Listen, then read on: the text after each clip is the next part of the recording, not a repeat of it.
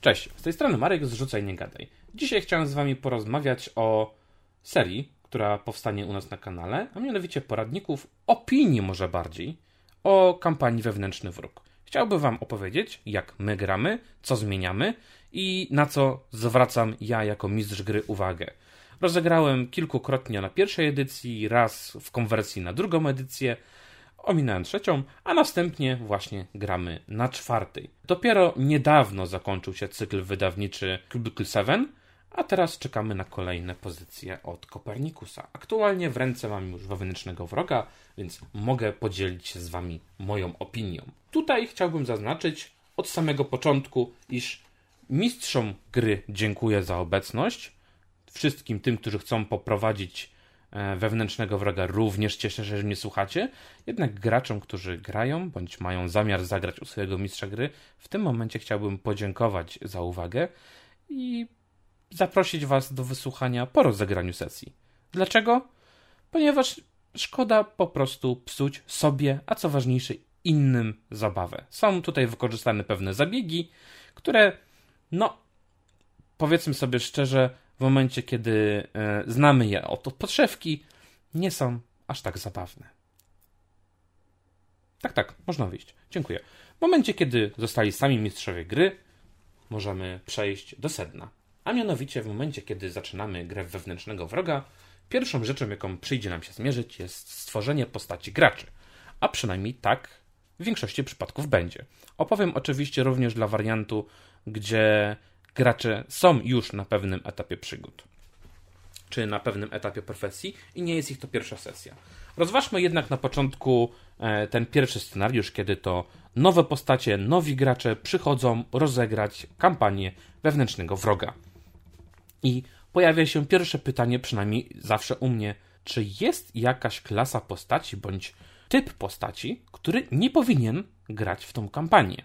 Odpowiedź teoretycznie nie, nie ma. Oczywiście, wszystko można dostosować pod każdą grupę. Jednak, żeby sobie ułatwić pewne elementy i pewne intrygi, można było zawiązać w pełni, a nie na pół gwizdka, musimy dokonać pewnej selekcji. Otóż typowo praworządne postacie typu łowca czarownic czy e, kapłan, kapłani Sigmara bądź Urlika mogą być problematyczni na pewnym etapie przygody.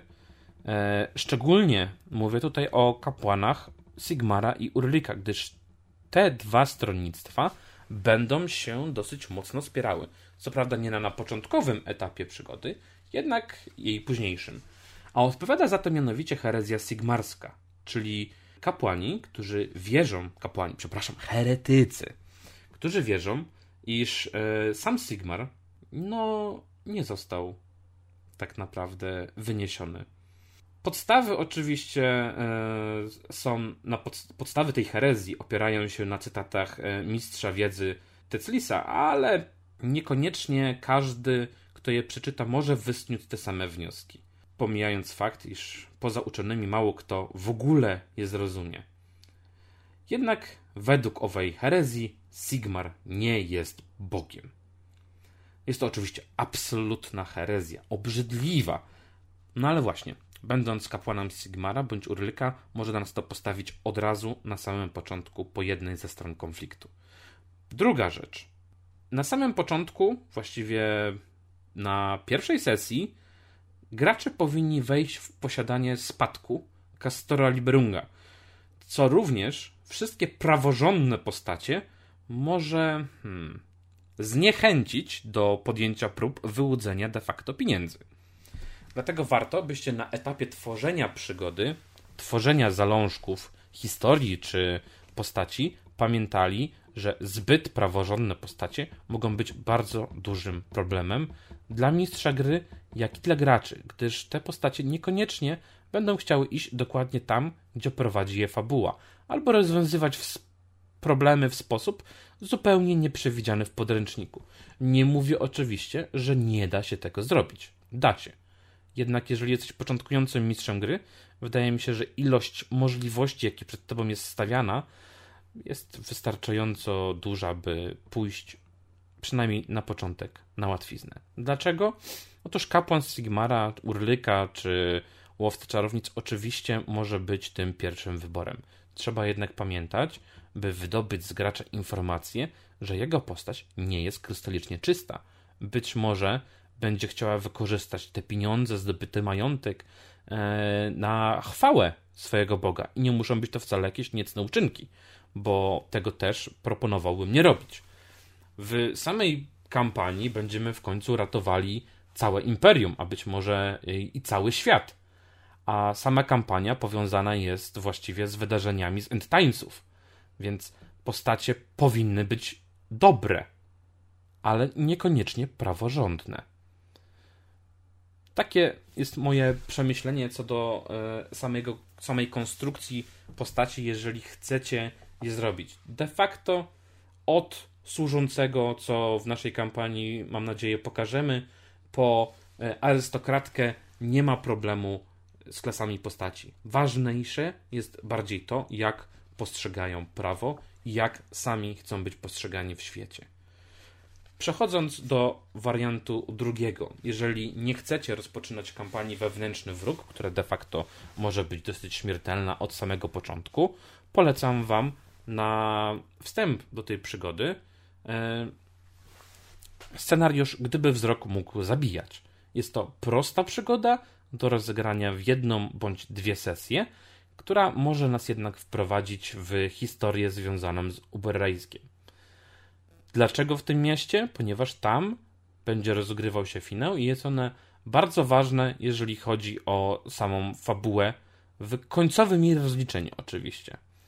No i co ważniejsze, mamy ku temu cały starter i masę gotowych przygód, które tam bez problemu możemy umiejscowić. Ja polecam Wam, gdyby wzrok mógł zabijać jako początek. Dlaczego? Opowiem Wam w osobnym filmiku właśnie o tej przygodzie, na co zwrócić w niej uwagę, co przerobić, żeby bardziej zahaczała o kampanię wewnętrznego wroga, ale oczywiście możliwości wejścia w tą kampanię jest o wiele więcej, które też w osobnym filmie właśnie e, Wam postaram się omówić. Tutaj jednak chciałbym pokazać Wam, jak ja to zrobiłem. Jednak do tego warto wykorzystać historię, jaka została nam przedstawiona w przewodniku do Uberstrajku. Warto zaznaczyć, iż sam Uberstrajk ostatnio miał dosyć ważną zmianę władzy, gdyż Karl Franz na początku 2512 roku za pomocą armii imperialnej stacjonującej niedaleko miasta przystąpił do odebrania władzy z rąk rodziny Jungfreudów. Ich miejscowi rywale oczywiście byli zachwyceni. Ale jak zapewne dobrze wiecie, w przypadku dobrej zmiany bardzo często pokrzywdzeni są ci, którzy nie zostali jej beneficjentami. Tak też właśnie było w przypadku naszych graczy wyruszyli do Altdorfu, by złożyć oficjalną skargę. No, to prawda nie do samego imperatora, ale z pewnością do jakichś ważnych urzędów, by przywrócono im ich wcześniejsze stanowiska, które stracili ze względu właśnie na czystki, jakie zapanowały w mieście i zwolnienia wśród imperialnych urzędników. Zmiany były na tyle znaczące, że aldorscy żołnierze zastąpili Straż Miejską.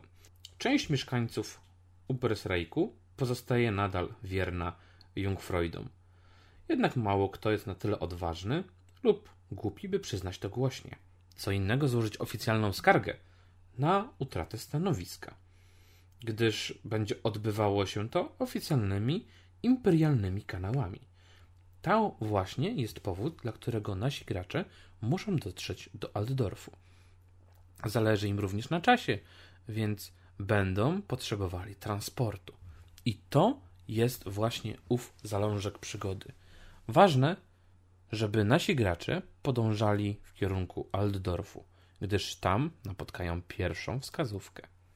Jeżeli chodzi o graczy, którzy już rozegrali odpowiednią ilość przygód, ich postacie już coś znaczą, być może w samym Rajklandzie bądź w innej części Imperium, warto że jeżeli jeszcze nie byli, by chociaż na jedną przygodę zawitali właśnie do Ubersreiku.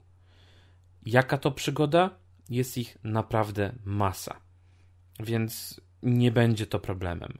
W zestawie startowym znajdziecie masę inspiracji do tego, a jeżeli chcecie zrobić coś innego, w innym klimacie coś własnego, również nie widzę w tym najmniejszego problemu.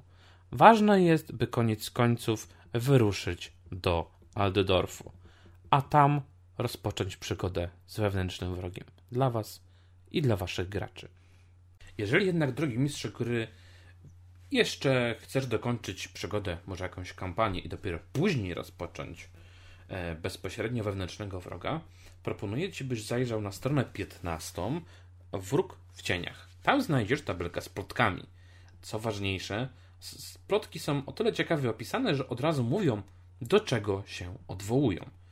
Tak też znajdujemy dwie właściwie plotki związane z wewnętrznym wrogiem, jedną z zestawem startowym i jedną z Imperium w ruinie.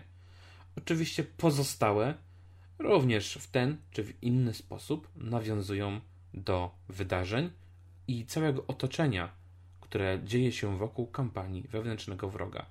Dzięki tym plotkom możesz później płynniej przejść do historii, a gracze już będą mieli jakiś ogląd na sprawę.